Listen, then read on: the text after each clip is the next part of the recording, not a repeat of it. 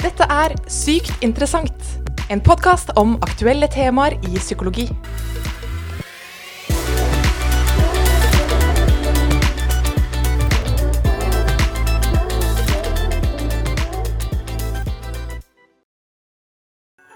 Hjertelig velkommen til dagens episode av Sykt interessant, hvor det skal handle om, ja, du hører det kanskje, jul og julefeiring.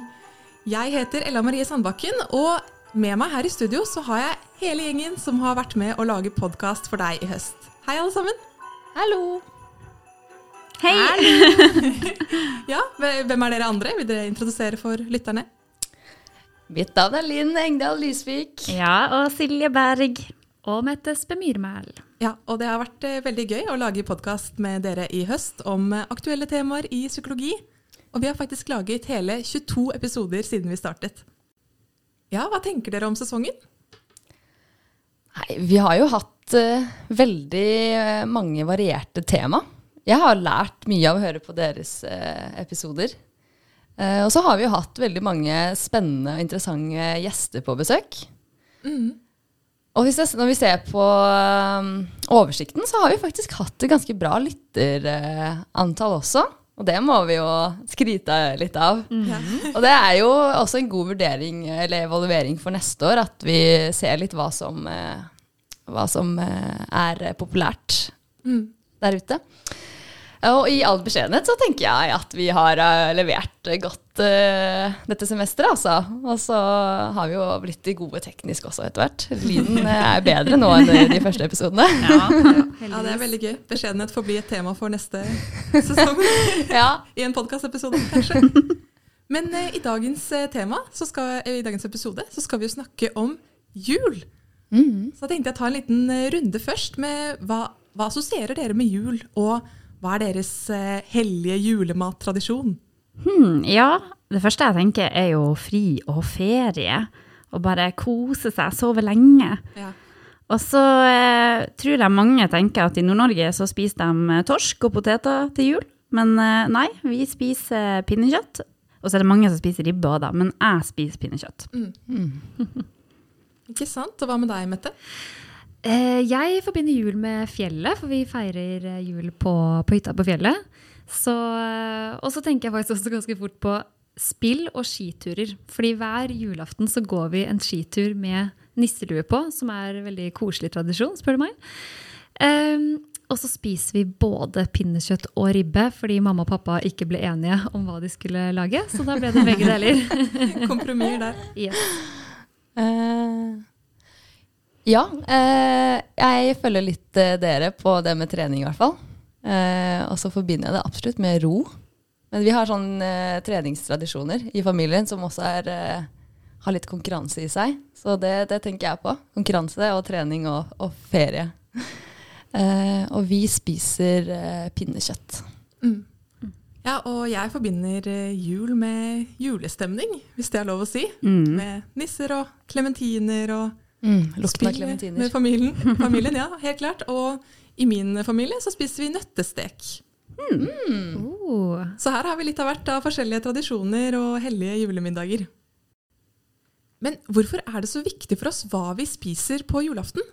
Hva så om vi må spise pinnekjøtt fremfor ribbe, eller Ja, hvordan kan vi egentlig bruke psykologi til å forklare hvorfor det er så viktig med oss med disse tradisjonene? Ja, jeg tror egentlig flere teorier og, og forskjellig kan forklare dette her. Men én ting da, som så fint heter assosiative læringsteorier, tenker jeg kan være med på å forklare eh, hvorfor tradisjoner som mat på julaften blir så viktig for oss. Ja, Fordi det denne teorien sier, da, er at vi mennesker lærer gjennom at noe oppstår i sammenheng gjentatte ganger. Så f.eks. at vi eh, spiser ribbe, drikker gløgg, eh, ser på visse filmer eh, hver jul, og ikke ellers i året.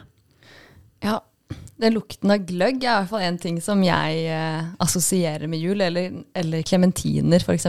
Men også en lyd, sånn som lyden av sport på TV, bare i bakgrunnen. Ja, nettopp. Og det vil etter gjentatte erfaringer koble sammen da, og bli, bli sterkere med, med julen. Eh, og litt morsomt det du sier om lukt, for det er faktisk den sansen som gir sterkest assosiasjoner til ting. Og i tillegg så er det knyttet sterk eh, nostalgi til julen. Altså Nostalgi betyr jo hjemlengsel, og bringer ofte sterke følelser som kjærlighet og savn, lengsel, til en tid som eh, var. Og det å rokke ved det, som, som da føles nostalgisk, sånn som f.eks. mat på julaften, det kan vekke disse følelsene hos mange. Og det kan føles ut som man faktisk mister noe ved seg selv og hvem du er, hvis du fjerner ting som, eh, som er nostalgi for deg. da. Så hvis du plutselig skal gjøre noe sammen med svigerfamilien, så kan det føles litt uh, vanskelig. ja, det er en grunn for at mange syns det er vanskelig. Da. Hva skal man spise på julaften når man har forskjellige tradisjoner? Mm. Det betyr noe for oss. Ja, og at folk blir så sinte hvis uh, det ikke blir tre nøtter, nøtter til Askepott. Yep. Mm. Nei, det er veldig spennende å høre om. At læring er noe som ligger bak dette. Det er jo veldig logisk ut fra psykologien. Og jeg tenker jo også på dette med ritualer i vår kultur. altså Tradisjoner og ritualer vi har i Norge, er jo ikke de samme som nødvendigvis i andre land, men veldig viktige for oss her. At det bygger fellesskap og identitet, og også noe av denne, disse følelsene vi har felles i en gruppe. Mm. Veldig, veldig spennende.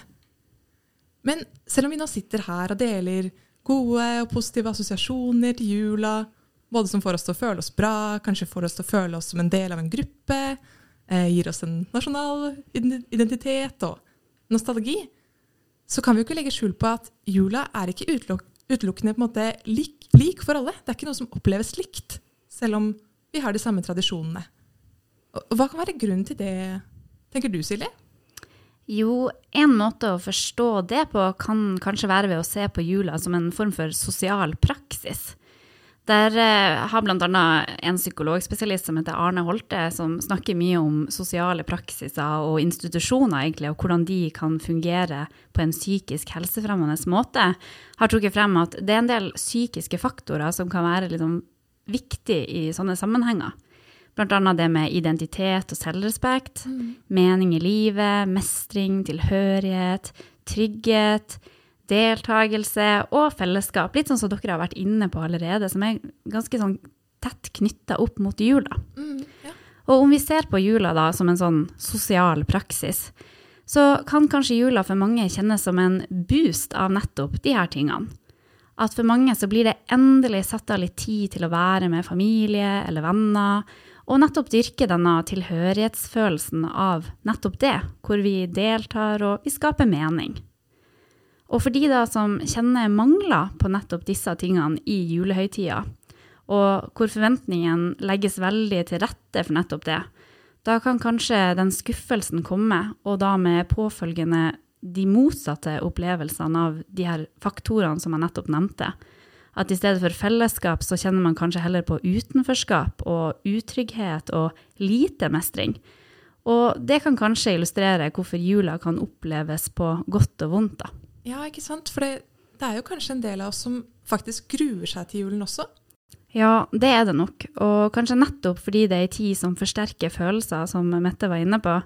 Samtidig som at mange ikke kjenner seg igjen i nettopp disse forventningene som kanskje rosemales i media, eller når vi sitter og snakker om det. Mm. Eh, og ja. Ja, ikke sant. Og jeg, jeg, tenker jo med en gang på de som ikke har så høye forventninger til jula, kanskje negative forventninger, at det må føles veldig tøft å høre på alle som gleder seg over å møte familie, venner, alt det hyggelige de skal gjøre. Det blir jo sikkert ganske Kan oppleves ganske sårt for mange forholdet vårt til jula det trenger jo heller ikke å være sånn sort-hvitt heller. Uh, og det trenger heller ikke å være stabilt gjennom hele livet. For de som f.eks. har kjent på tap eller store endringer det siste året, så kan jo jula kanskje være ei ekstra sårbar tid. Uavhengig om jula tidligere har vært veldig positiv eller veldig negativt. Det kan endre seg. Og jula er jo, som vi har vært inne på, veldig nostalgisk, og det vekker mange følelser. Og derfor kan de som f.eks. er trist, og har, kjenner mye triste følelser, eh, kjenner ekstra mye på dette i jula. Og kanskje f.eks. den første jula etter et tap, så kan jo det innebære ganske mye endringer, og da igjen være ekstra tøff for folk. Ja, så hvilke måter tenker du man kan håndtere det på, hvis det har vært et tøft år, eller jula kanskje oppleves litt uh, tung eller tøff? Først og fremst så kan det være greit å få frem at tristhet faktisk er en ganske viktig følelse. Og at f.eks. i en sorgprosess så er det en helt naturlig del av det å være i en sånn prosess, det å kjenne på savn og tristhet og endring. Og jula kan kanskje gi en mulighet til å få tid til å prosessere og kjenne på nettopp det. Og at det kanskje gjør det litt enklere for veien videre når jula er over og livet fortsetter.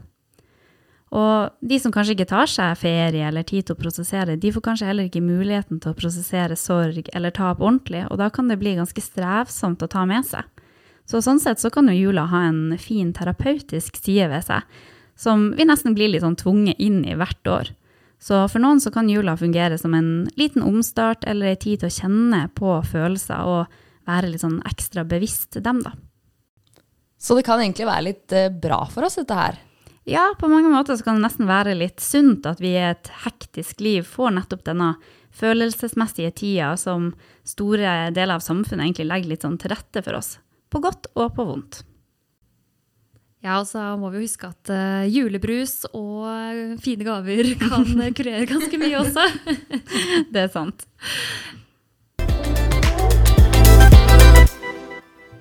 Ja, og nå har vi snakket litt om jula på både godt og vondt, med tradisjoner, og at den kan være både positiv og negativ og tung og fin, og at folk opplever det veldig forskjellig. Men så er vi jo nå i et veldig spesielt år, som eh, du som lytter sikkert har fått med deg, antar jeg. At 2020 eh, har eh, kanskje ikke vært det beste året for alle. Og, og, det kommer jo kanskje til å påvirke jula. Det er så mye usikkerhet, så det vet vi ganske lite om. Så vi kan på en måte ikke komme unna denne elefanten i rommet med korona og jul.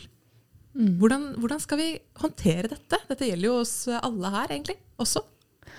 Ja, og nettopp fordi at eh, vi er så forskjellige, så er det jo litt uh, skummelt å komme med tips som skal fikse alt. Ja, helt klart. Uh, men jeg tenker at uh, å lytte til råd uh, som andre har, kan være litt lurt. Uh, F.eks. Uh, å ta, ta, noen gåturer, komme seg ut i bevegelse.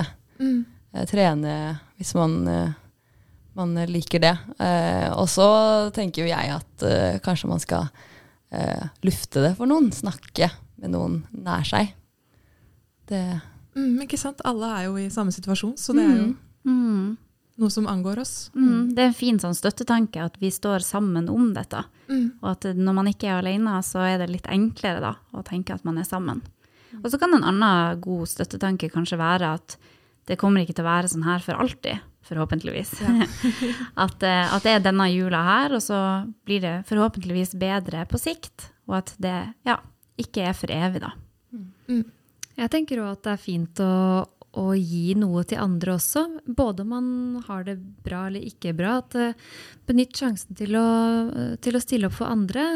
Det kan være så enkelt som å si hei eller uh, smile mm. til noen på gata. Eller å kanskje gi en sånn middag til en som ikke har råd til det. Det fins jo forskjellige organisasjoner som arrangerer disse tingene. Mm. Det å gi, det er både fint for de som, som har det vondt, men også de som ikke har det og ønsker å, mm. å bidra litt. Da. Mm. Mm. Det er veldig sant. Og jula handler om å gi, og da kan det være tid, og det kan være smil. Ikke så mange klemmer i år, kanskje, men det kan være andre måter vi kan gi omsorg på. Eller eventuelt middager, som du sier, Mette, til. Mm. Smile ekstra med øynene bak maskene. Ja. Når man handler på butikkene. Ja, det er sant. Veldig godt tips der.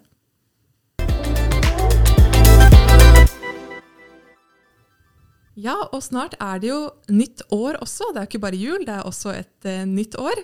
Og vi skal jo fortsette med Sykt interessant, og håper at du som lytter vil fortsette å høre på oss.